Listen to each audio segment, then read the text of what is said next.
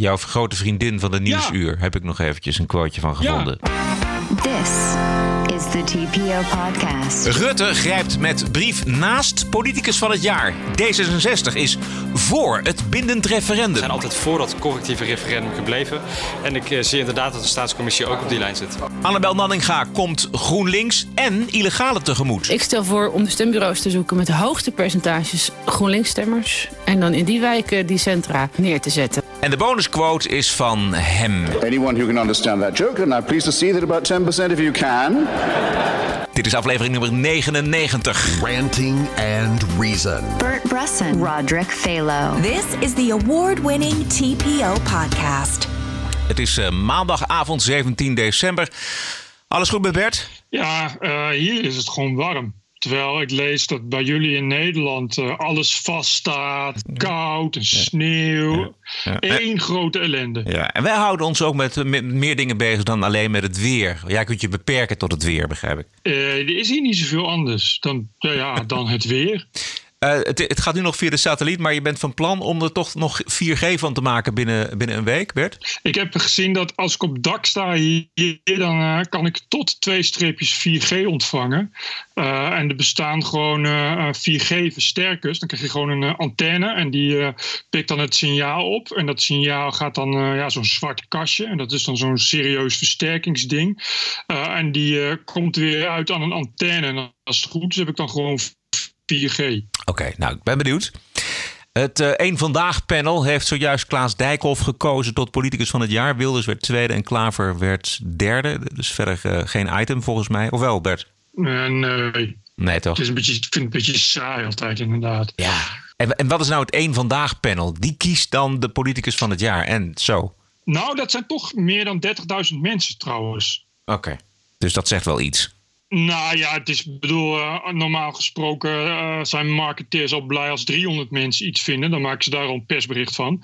En dat één vandaag opiniepanel is wel eh, is serieus een van de grootste. Dus meer dan 30.000 respondenten is natuurlijk wel echt heel veel voor, voor, voor een onderzoeker. Dus als al die mensen inderdaad serieus iets hebben aangegeven, is het wel iets zeggen. Maar verder, een beetje, ja, politicus van jaar, ik denk altijd, hoe de hell cares en zo. Dat dacht ik ook. Vandaag is ook de campagne begonnen voor de Provinciale Statenverkiezingen. Premier Rutte die heeft afgetrapt met een grote advertentie in het Algemeen Dagblad. De boodschap was, zoals altijd, positief. Het is gemakkelijk om verschillen te vergroten tot harde tegenstellingen. Maar je kunt je ook realiseren dat dit land juist zo mooi geworden is. Omdat we altijd hebben geprobeerd om dit tere bezit, dat mooie Nederland, zo goed mogelijk te beschermen. De, grootste misser, eh, Bert, met deze advertentie is naar mijn mening dat de premier de diepe verschillen van mening en spanning in de samenleving het liefst onder het tapijt zou willen vegen. En daarmee niet erkent wat zoveel mensen eh, wel ervaren. Namelijk onveiligheid of je ongehoord voelen of het ongemak over de Europese Unie of de globalisering of de immigratie. Als we dan allemaal de schouders eronder zetten en positief doen en lief zijn voor elkaar, komt het allemaal wel goed of zo. Het is ja, het is echt, echt het tegenovergestelde van reaalpolitiek. En ik denk dat uh, mensen tegenwoordig vooral behoefte hebben aan reaalpolitiek en niet dit soort geneuzel, wat ze al 200 jaar horen in Nederland. Bovendien uh, is het uh, ironisch dat uitgerekend de VVD gaat lopen klagen over mensen die te veel aan zichzelf denken. Dat vind ik heel grappig. Ik vind dat echt een soort ironie waarvan ik me afvraag of dat er bewust is ingestopt of dat dat gewoon heel dom gedacht is. Ik bedoel, de VVD is toch een partij die, nou laten we zeggen, de laatste drie jaar niet helemaal lekker is gegaan. Omdat mensen binnen de partij toch iets te veel aan zichzelf dachten. Uh, en uh, niet uh, aan het landsbelang en aan het partijbelang. Dus ik weet niet of dat nou uit de mond van Rutte nou echt, echt, echt zo betrouwbaar overkomt op nee. mensen nu, toch even aan de andere kant hangen. Want uh, ik kan ook begrijpen dat een premier eigenlijk niet veel anders kan dan uh, verbinden. Hè? Of een, een, poging tot verbinden. En zeggen van nou weet je wel, de, laten we de verschillen niet te groot maken. Laten we ook kijken naar wat we gezamenlijk hebben. Je kan moeilijk één van de twee kanten kiezen. Je kan moeilijk zeggen van nou ik ben voor Zwarte Piet. Nee, ik, tuurlijk. Je, je kan als premier kun je geen kant kiezen. Uh, maar de, je kan toch zeggen van. Je kan toch zeggen van. Ja, ik, ik, ben ook realistisch. Ik begrijp ook wel dat er, dat er nog een hoop aan de hand is. En dat de VVD daar mede verantwoordelijk voor is. En, en, en wat mensen voelen. Wat je hier ziet is gewoon weer zo'n opgeklopt en gelikt marketingpraatje. Wat D66 ook doet. En wat de PvdA ook deed. Weet je wat ze allemaal doen? Uiteindelijk is er gewoon niks gezegd. Er komt ook weer zo'n manke vergelijking in van Nederland als een vaasje. Dat je denkt van, wie verzint dit soort teksten bij de VVD? Dat moet dan, het is niet, ik kan me niet voorstellen dat het Rutte zelf is. Hij heeft toch gewoon spindokters. En dan zie ik dat voor me, dat die mensen aan tafel zitten... en dat ze dan na uren vergaderen komen... ja, Nederland als een vaasje. Dat je denkt, ja, het is allemaal zo, zo, zo ontzettend ver van de belevingswereld van, van de gemiddelde burger. Van mij, van jou, maar ik weet ook zeker van nog miljoenen mensen. En ik denk ook van heel veel VVD'ers, alhoewel er binnen de VVD een hoop mensen zijn die elke keer weer trouw op Rutte stemmen. Dus wat dat betreft, misschien praat hij daarvoor. Die zullen de, uh, het woord van Rutte zal er bij sommige VVD-ouderlingen wel ingaan als godswoord in een gewone ouderling.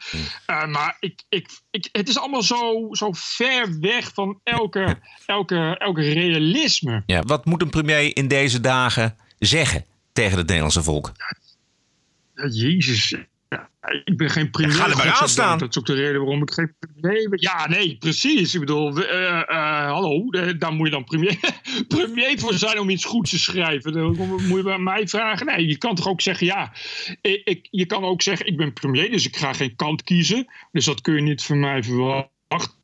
Maar ik heb wel oog voor de dingen waar mensen over klagen. Ja. Je kan gewoon zeggen, uh, je kan de dingen benoemen. Je kan zeggen de Europese Unie, je kan zeggen de onveiligheid, je kan zeggen de, de toenemende criminaliteit, zeker in het zuiden van het land, de georganiseerde drugscriminaliteit, het tekort aan politie, uh, uh, het, het, steeds minder lonen, dividendbelasting, de vriendjes van Shell, die dividendbelasting. Je kan het toch benoemen. Je kan toch zeggen, ja, ik ben premier, ik ben van de VVD en ik hoor de laatste tijd dat mensen zeggen uh, dat ik speciaal voor mijn vrienden van Shell uh, de laatste belasting die ze moet, moeten betalen, dat is de dividendbelasting voor ze wel afschaffen. Dat is niet waar, maar ik begrijp wel dat mensen daar een probleem in zien als ze tegelijkertijd inderdaad meer BTW moeten betalen en helemaal niet het idee hebben dat ze erop vooruit gaan. Ja. Daar ben ik dan ook premier voor. Laat ik dat eens benoemen. En dat gebeurt niet. Je merkt echt dat daar echt die problemen bewust niet worden genoemd. En dat, zo gaat het dus de hele tijd. Het is de hele tijd een soort luchtbel die wordt gecreëerd. En dan moet je dan maar om grijnzen en glimlachen. En dan komen er wat holle kreten met als het allemaal maar goed doen, als ze allemaal bij elkaar gaan. 17 miljoen mensen. Weet je, alsof al die 17 miljoen mensen allemaal leuke, leuke fijne mensen zijn die iets willen bereiken. En dan komt het allemaal goed. Ja, zo is het niet. En die mensen denken, luister eens, premier Mark Rutte. We hebben jou gekozen om daar dan iets aan te doen. Dus vertel dan eens wat je daar dan aan gaat veranderen. En schuif het niet op die 17 miljoen mensen af. Schuif het dus op jezelf af dan. Ja. Uh, bovendien was er een aardige aanleiding uh, voor uh, Rutte en voor alle politici trouwens... om nou eens eventjes naar zichzelf te kijken. Te kijken, ja, zijn wij nou eigenlijk nog wel goed bezig als volksvertegenwoordigers... ook als leden van het kabinet? Want dat was een mooi rapport van de commissie Remkes na twee jaar studeren. Die, en met behoorlijke heftige conclusies. Namelijk dat een groot gedeelte van Nederland zich niet meer vertegenwoordigd voelt door het parlement. Daarover zometeen meer.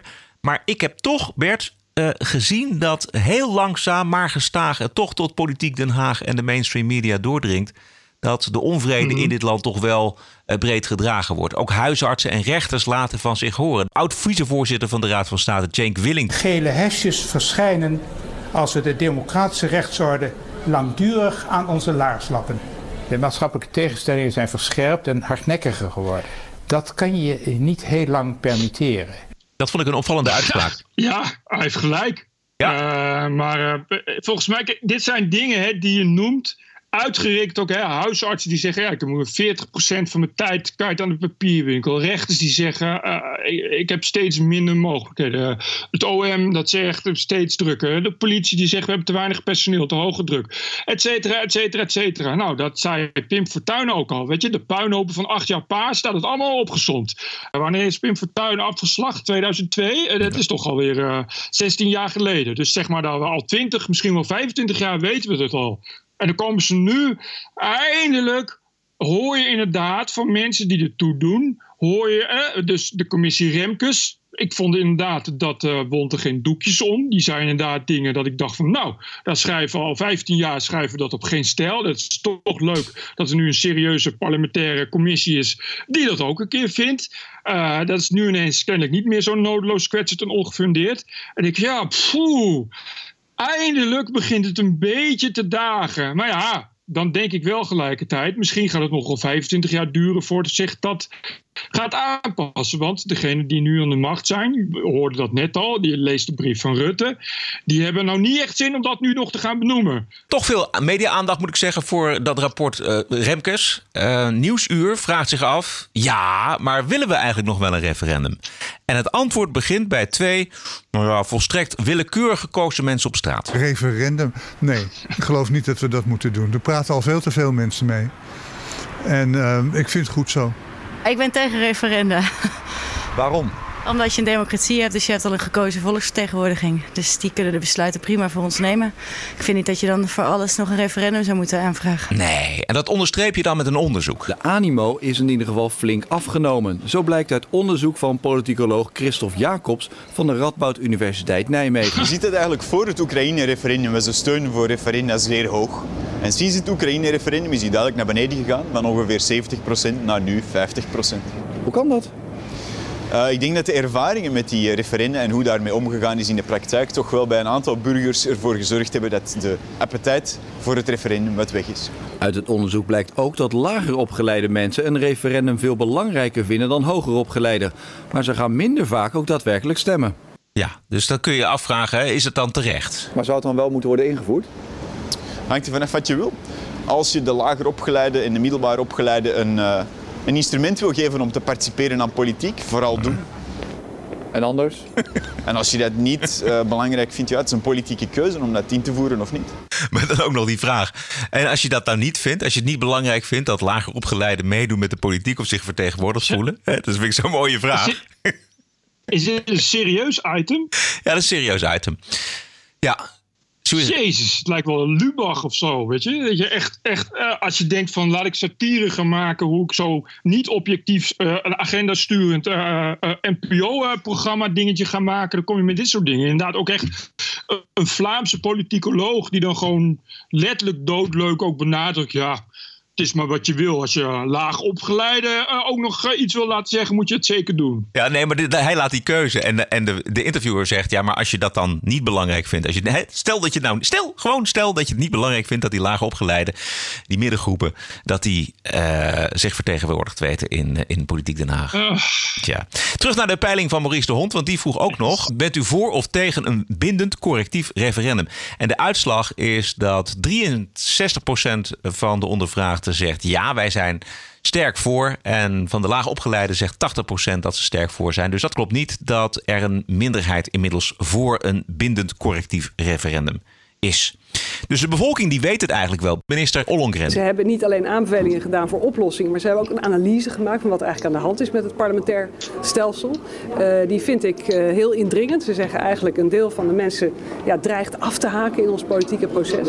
Dat willen we niet. Maar we gaan het hier dan niet meemaken dat de VVD er hartstochtelijk pleit voor de invoering van een bindend correctief referendum en u als D66 hem niet inkomt? Goeie vraag. Er is een, een staatscommissie, die is breed samengesteld. Die, die, heeft heel veel aanbevelingen gedaan, onder andere deze. Uh, ik vind echt dat we er gewoon goed naar moeten kijken. En niet met, met partijkleuren dat je van tevoren al zegt ik ben hiervoor en ik ben daar tegen. Nee, laten we eerst het rapport lezen.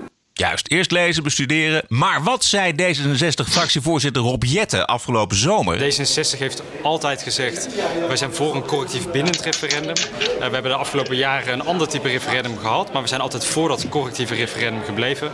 En ik uh, zie inderdaad dat de staatscommissie ook op die lijn zit. Ja. En dan Christineke Teunissen van de Partij voor de Dieren. Nou, ik moet zeggen, het is heel hoopgevend dat nu deze commissie voorstelt om een correctief bindend referendum in te voeren. De Partij voor de Dieren is daar heel erg verheugd over. Ja, en dan de ChristenUnie. Komt u maar. De commissie doet veel voorstellen vandaag.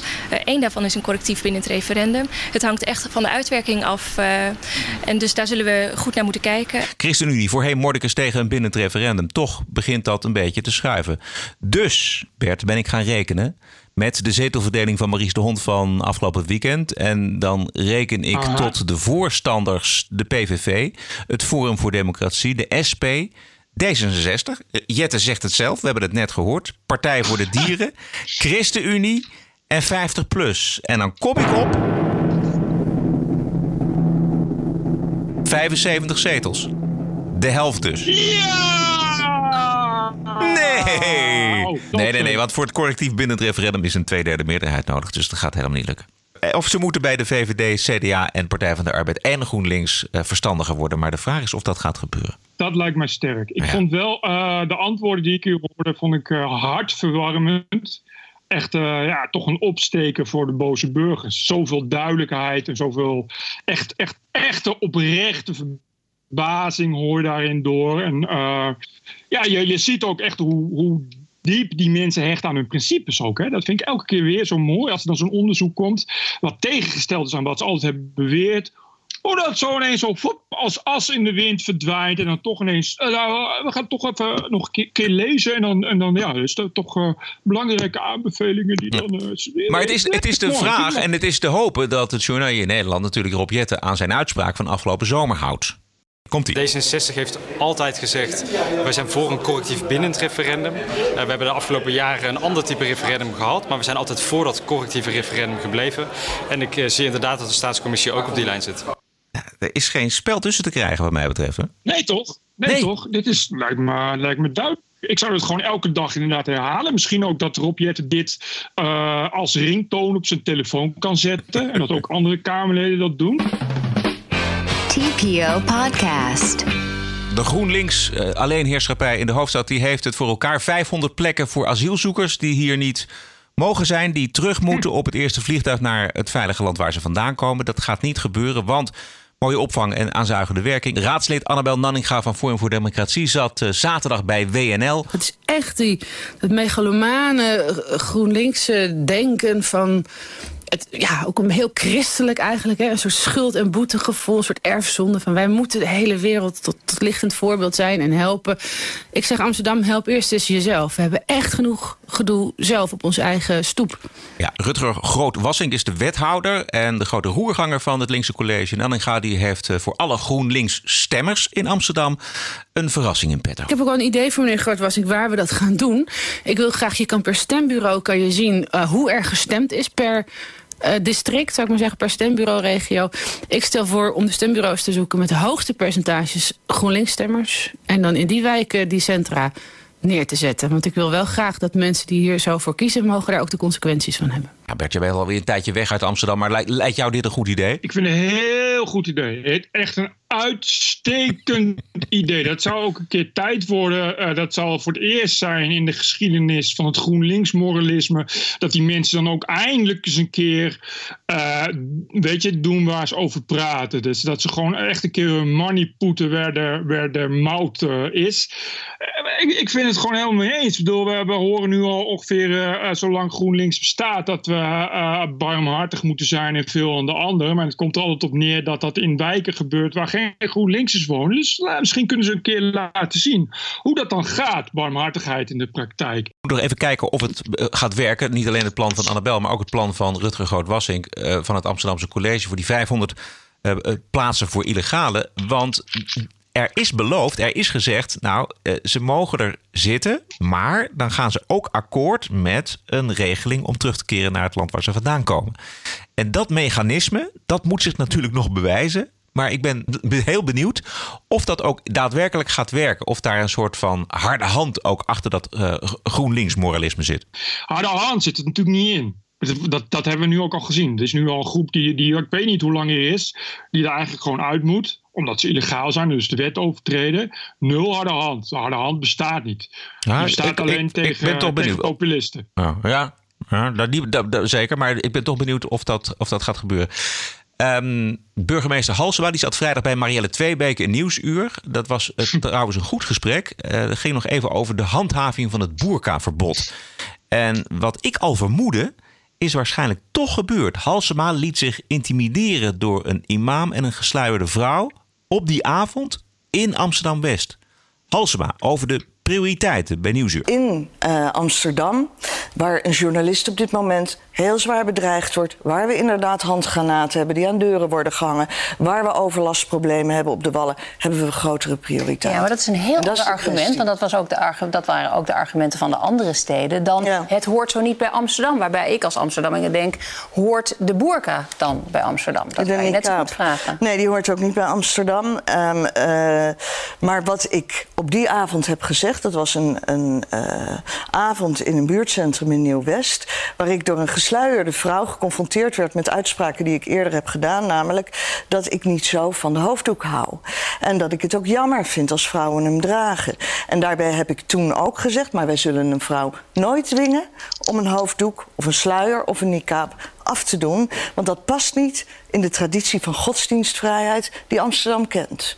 En in dat verband heb ik het gezegd. Maar wel als de wet eenmaal is ingevoerd. Als de wet ingevoerd is, dan um, geldt de wet ook in Amsterdam. Maar we geven geen prioriteit aan de handhaving. Nee, want handhaving is toch een ongemakkelijke mededeling als je tegenover een imam staat en tegenover een gesluide vrouw.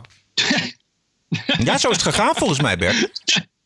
Ja, ik kan me daar heel goed voorstellen dat je daar in dat Argan zit. Wat ook echt op een plek staat waar je toch niet voor de lol heen fietst, zou ik maar zeggen. Dan kom je daar, dan zit je daar inderdaad in zo'n zaal met alleen maar baarden en hoofddoekjes en boos kijken naar Marokkanen. Ja, dan zit je daar dan, hè, als GroenLinks intellectueel lekker je liberale waarden te verdedigen. Ja, wat moet je dan? Dan zeg je toch inderdaad maar... Uh, ja, dan lul je er maar een beetje omheen. Ik kan me daar wel, wel wat bij voorstellen. Ik kan me daar wel wat bij voorstellen. Het is overigens geen excuus voor een, voor een burgemeester, maar ik kan me er ook eh, van alles bij voorstellen. We blijven even bij nee. Nieuwsuur. Zondag ging het over eh, de klimaattop natuurlijk. En daar zat een autoriteit op het gebied van eh, klimaat en klimaatwetenschap. Madeleine Helmer van het Klimaatverbond. Ja, nee, het is echt, zo gaat het dus elke keer. Er zijn een aantal agendapunten die die mainstream journalistiek, die mainstream media, zeker Nieuwsuur en Volkskrant en zo, willen doordrukken. Bijvoorbeeld gelijkheid is er zo. Hè. Klimaat is er ook zo. Hè. Dat is echt, echt de typisch links agenda. Je moet bang zijn voor fijnstof en je moet bang zijn voor de opwarming van de aarde. En we gaan er allemaal aan. We moeten allemaal op de pomp. Weet je, dat zie je bij de NOS wordt dat gepromoot. Dat is ook bij Nieuwsuur. Dus wat doen ze dan? Dan zetten ze iemand die gewoon een soort propaganda-lobbyclub uh, uh, uh, bedrijft. Daar, daar, geen enkele opleiding in heeft. Dat is gewoon iemand die ik, ik begreep dat ze gewoon alleen ooit schooljournalistiek heeft gedaan. En daarna activist werd bij Greenpeace. Ja, die, die heeft dan een klimaat en die zegt, nou, ik ben deskundige. En die zet ze dan neer en zegt, well, deskundige. Weet je, en dan als kijker moet je dan denken, oh, dat is een, een, een, een, echte deskundige. Die uh, heeft verstand van alles. Die het zegt, zal dat wel waar zijn. Maar dit is gewoon een activiste. Weet je, het is gewoon een, een soort, soort linkse lobby, eh, pro-milieuactiviste. Die mag dan bij Nieuwsuur, ja, mag die dan haar verhaal doen. En dan is dat, moet jij denken dat het objectief is. Terwijl ze zelf zo ongelooflijk veel waarde hecht aan een eerlijk verhaal. U kent al die sentimenten ook. Ook burgers die zeggen: ja, wij, um, wij erkennen het probleem heus wel. Maar um, ik wil er niet voor gaan betalen of het kost me te veel geld. Wat is uw boodschap aan al die mensen? Ja, ik, ik bedoel, dat, ik, dat, dat snap ik heel goed. En het is een heel groot probleem. Het is een enorme investering die je moet gaan doen. Ik denk dat mensen doen als ze, als ze begrijpen dat het eerlijk is. Dat het echt, uh, dat iedereen aan de bak gaat. En dat de urgentie, die wordt wel goed gevoeld. Nou, mouwen opstropen en aan de bak gaan. En het hoeft niet gelijk mm -hmm. morgen, oh. maar het moet wel morgen ingezet worden. En we hebben nog heel even tijd, niet heel veel meer, om echt rigoureuze oh. maatregelen te gaan nemen. Niet, niet meteen morgen beginnen, Bert. Ja, nee, het is, het is morgen, maar misschien wel overmorgen. Het zijn, uh, want het moeten rigoureuze maatregelen. Je hoort het al, de retoriek is echt duidelijk. We moeten echt bang zijn, echt paniek. Misschien overmorgen, maar misschien de dag daarna, maar dan heb je het al gehad. En ja, er is eigenlijk geen tijd meer. Dan gaan we er echt allemaal aan. Het was wel duidelijk dat ze van het Klimaatverbond was. Maar wat het Klimaatverbond nou precies was, dat werd niet helemaal duidelijk. Behalve dan dat ze al heel lang met het klimaat bezig was. TPO Podcast. Jaarlijks wordt er in de week voor kerst door 3FM, Serious Request, actie gevoerd voor het Rode Kruis, Bert. Ik weet niet of je dat nog weet, zover, zover weg. Maar voorheen met het Glazen Huis. En dit jaar door middel van The Lifeline. Een van de doelen van de 3FM-DJ's dit jaar is uh, reanimatie in Nederland. Want bijna 75% van de Nederlanders weet niet wat ze moeten doen als iemand een hartstilstand krijgt. Nou, dat is op zich een nobele zaak. Wat jij? Het is, ik vind echt dat een hele serious request. Maar ik geloof dat uh, dit jaar uh, toch wel een beetje het einde is. Ja. Want 3FM heeft geen luisteraars meer. Dus dat is sowieso zo'n beetje. Ja, het is beetje ironisch lachen, dat dit dan de laatste serious request is. Ja, dat dat dan lifeline is. Daar ook weer misschien dat daar iemand verder over heeft nagedacht. Iemand met humor. Die dan dacht, nou, misschien dat reanimatie 3FM wel, wel, wel zo geinig is. Maar goed, uh, het is echt. Het, het is elk jaar een soort treurige marketing die dan wordt gevat in een soort goed doel. En dan komen de gelikte BN'ers en de gelikte, de gelikte dingen. Ja, het glazen huis is weg. Want niemand kwam nog naar het glazen huis. Uh, er zijn ook geen DJ's meer, want alle DJ's zijn opgestapt. En de DJ's die er nu zitten, kent niemand. Dus die kunnen wel in een glazen huis zitten. Want dan heeft iedereen, wie zijn dat eigenlijk in het glazen huis? En dat is natuurlijk ook niet de bedoeling. Dus ik geloof dat ze nu, de DJ's gaan uh, uh, los op straat. Gaan ze rondwandelen en dan hele gewone mensen aanspreken. ja, en het staat natuurlijk allemaal in het, in het, in het teken van, van we moeten nog wat met 3FM. We kunnen er niet vanaf, omdat dat niet werkt omdat we zenderbasis hebben die te machtig zijn. En een systeem wat communistisch is. Waardoor apparaat het niet goedkeuren dat we nu die zender trashen. Uh, en het moet dus, ja, je kan dat elk jaar moeten dus een goed doel. Dat is een beetje waar die NPO ook drijft. Dat is het, het goede gezicht. Is belangrijk om mensen erbij te houden. Uh, je zult zien dat dit jaar, uh, dat vind ik wel heel grappig. Dat Serious Request gaat dit jaar nog meer mensen bereiken. Via de mainstream media die daar stoppend en glijend en wel zoals jaarlijks helemaal losgaan en het helemaal geweldig vinden, dan via 3FM zelf. Dat vind ik grappig. We gaan naar Amerika. The FM Talk Station. The Rush 24-7 Podcast. Los Angeles. And now, America's most exciting radio talk show, The Savage Nation. And we're here. How the hell did we get here? TPO Podcast. News Talk Radio 77. WABC. New York City.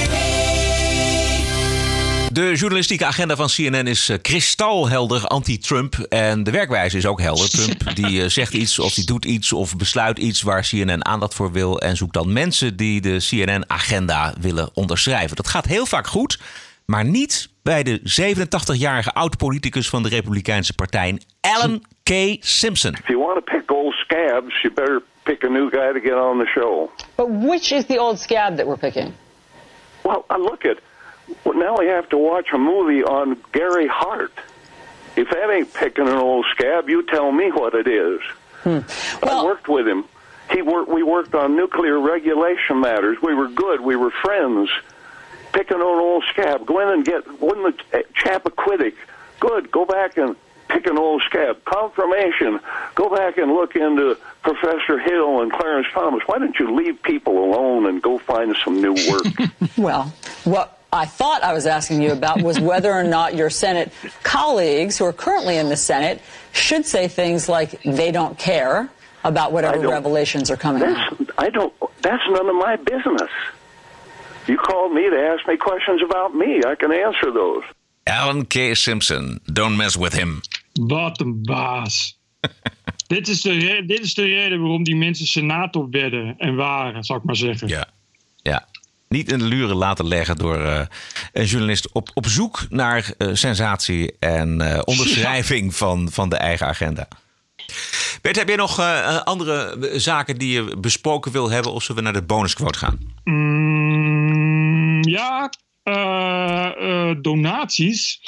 eh, die moeten wel blijven komen. Ja. Want ik moet een 4G-antenne bouwen, om maar zo te noemen. Ja, raak wel opgedroogd. Nou, het is, het is een beetje matig. Maar ik heb dus nu tegenwoordig TPO Plus. En daar ga ik later meer over vertellen.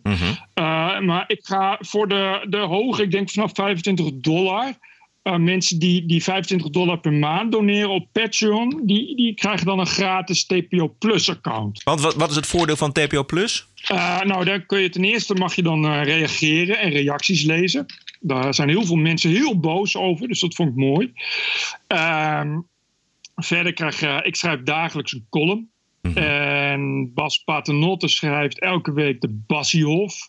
En Jurian Maassen, die schrijft ook heel regelmatig een column. Eh, ik geloof dat af en toe Sitske Bergsma al wat doet. En eh, nou ja, we zijn bezig. Het hangt er een beetje vanaf. Ik heb de eerste, eerste 300 eh, inschrijvingen al binnen zonder campagne. Dus dat ziet er goed Ah, uit. Vanaf de ongeveer pak een beet 1500 abonnees heb ik een, zit ik op een beetje een nulpunt. Zodat ik zeker weet dat ik de komende jaren door kan. Als, als dat zeg maar dan elk jaar zich blijft vernieuwen. Want ik heb gewoon een soort basisinkomen nodig voor TPO. Zodat ik mijn vaste lasten kan betalen. Als ik straks 3000, 4000 abonnees heb. Ja, dan heb ik dat geld wil ik dan gewoon graag gebruiken om, eh, ja, om schrijvers in te huren. Hè. Dus zeg maar mensen die eh, eh, normaal ook betaald schrijven. Een beetje, een beetje, ik, ik mik een beetje op de Nederland, Nederlandse kiet.com. Laat ik Oh het ja, zeggen. oké, Dus dat en toe wat, wat, wat goede, goede ja, naar rechts of in elk geval realistische geluiden van mensen die ook wel echt iets, iets te zeggen hebben en kunnen schrijven. Dus het is een soort, soort tegenhanger van de correspondent. Ja, dat is het ook niet. Want dat vind ik dan weer zo raar. Een tegenhanger, alsof daar alleen maar eh, eh, één soort mensen bij zit. Maar dat wil zeggen dat, dat mensen die het waard zijn om betaald te worden, die kan, kan ik nu niet betalen. En dan, nou ja, als mensen daar dan allemaal mee betalen, dan kan ik, kan ik die mensen betalen. En dan kunnen we inderdaad, jij betaalt en als in ruil daarvoor kun je goede stukken lezen. Dat is een beetje het idee. Oké. En een, deel van het geld wordt eh, besteed aan een betere verbinding met Bert op de Canarische eilanden. TPO Podcast.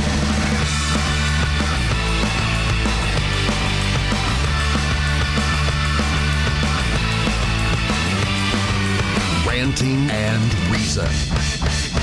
De bonusquote is van de man die de wereld alweer zeven jaar moet missen. Afgelopen zaterdag 15 december was zijn sterfdag Christopher Hitchens. Over de drang van de een de ander de mond te snoeren. About the censorious instinct, we basically know all that we need to know, and we've known it for a long time. It comes from an old story about uh, another great Englishman. Sorry to sound so uh, particular about that this evening, uh, uh, Dr. Samuel Johnson, the great lexicographer, author of the first compiler, I should say, of the first great dictionary of the English language. When it was complete, Dr. Johnson was waited upon by various delegations of people to congratulate him of the nobility, of the quality, of the commons, of the lords, and also by a delegation of respectable ladies of London who attended on him in his Fleet Street lodgings and congratulated him. Dr. Johnson, they said, we are delighted to find that you have not included any indecent or obscene words in your dictionary. Ladies, said Dr. Johnson, I congratulate you on being able to look them up. Anyone who can understand that joke, and I'm pleased to see that about 10% of you can, um, gets the point about censorship, especially prior restraint, as it's known in the United States, where it's banned by the First Amendment to the Constitution. It may not be determined in advance what words are apt or inapt. Uh, no one has the knowledge that would be required to make that call, and more to the point, one has to suspect the motives of those who do so. In particular, the motives of those who are determined to be offended, of those who will go through a treasure house of English, like Dr. Johnson's first lexicon, in search of filthy words to satisfy themselves and some instinct about which I dare not speculate. We missen hem nog steeds, deze Christopher Hitchens. Maar hij is gelukkig eh, heel veel te vinden op, eh, op YouTube. Met zijn eh, geweldige speeches en met zijn mooie verhalen. En zijn geweldige techniek van discussie. Uh, only the good dying young. Tot zover eh, deze aflevering nummer 99. Volgende week dinsdag, eerste kerstdag, Bert, zijn we terug met nummer 100. Als u dat nou een felicitatie waard vindt en het is ook nog eens kerstmis... dan wordt het zeer op prijs gesteld als u ons wilt ondersteunen... of voor een betere verbinding met Bert. Ga naar dpo.nl slash podcast en daar vindt u alle mogelijkheden om iets te doneren. Tot aanstaande dinsdag voor nummer 100.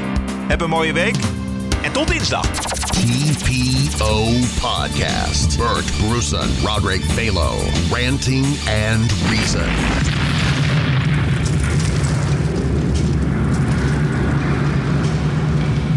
Honderd Bert? Ja, op kerstdag.